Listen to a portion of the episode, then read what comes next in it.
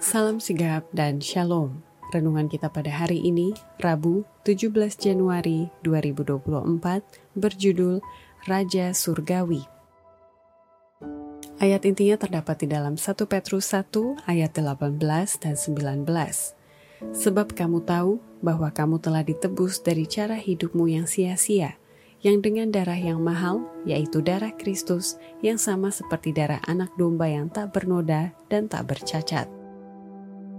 Pena Inspirasi menuliskan judul renungan kita pagi ini, Raja Surgawi, yang tidak lain dan tidak bukan adalah Yesus, nama di atas segala nama, agar supaya kita bisa mengalami pengalaman pribadi dan dapat memaknai dan merasakan sentuhan kasihnya, dan lebih memperkaya perjalanan hidup ini sampai kita kelak bisa bertemu dengan dia muka dengan muka di surga, sebagai berikut. Pertama, Dikarenakan Yesus adalah Raja Surgawi, maka setan sangat takut bila mana umat Tuhan rajin berdoa kepadanya dengan sungguh-sungguh dan menyingkirkan setiap penghalang atau dosa mereka sebagai persyaratan berkat dan roh Tuhan tercurah ke atas gerejanya yang sedang merana. Tidak ada yang setan begitu takuti selain dari umat Allah membersihkan jalan dengan menyingkirkan setiap penghalang, agar Tuhan dapat mencurahkan rohnya ke atas gereja yang sedang merana. Setiap penggodaan, tiap pengaruh yang melawan, apakah terbuka atau sembunyi-sembunyi, dapat berhasil ditolak, bukan dengan keperkasaan dan bukan dengan kekuatan, melainkan dengan rohku, firman Tuhan semesta alam. Zakaria 4 ayat 6 Kedua, dikarenakan Yesus adalah Raja Surgawi, maka setiap orang agar tidak kedapatan ringan dalam neraca surga harus berusaha mengerjakan bagian tugas dan tanggung jawab mereka dalam mengumandangkan seruan nyaring malaikat yang ketiga itu dengan sungguh-sungguh.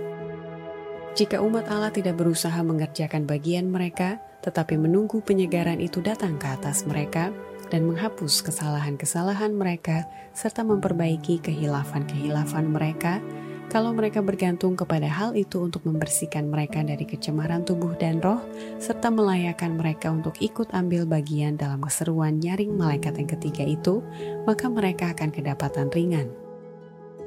Ketiga, dikarenakan Yesus adalah Raja Surgawi, maka setiap umatnya di zaman akhir inilah waktu memperbaiki cacat-cacat tabian kita dan membersihkan keabah jiwa dari setiap pencemaran agar layak beroleh kecurahan roh kudus.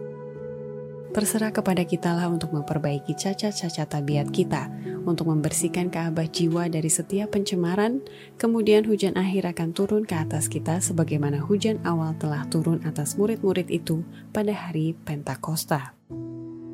Keempat, dikarenakan Yesus adalah Raja Surgawi, maka kita perlu mengadakan pembaruan kehidupan kerohanian kita sebagai bagian dari umat Tuhan di akhir zaman yang sudah lama tak berdaya selama ini. Tuhan menyerukan pembaruan akan kesaksian yang tulus dari bertahun-tahun yang lalu. Ia menyerukan suatu pembaruan kehidupan rohani. Tenaga-tenaga kerohanian umatnya sudah lama tak berdaya, tetapi akan ada kebangkitan dari keadaan yang seolah-olah mati itu. Dengan doa dan pengakuan dosa, kita harus membersihkan jalan bagi Raja. Demikianlah renungan kita pada hari ini. Kiranya Tuhan memberkati kita semua.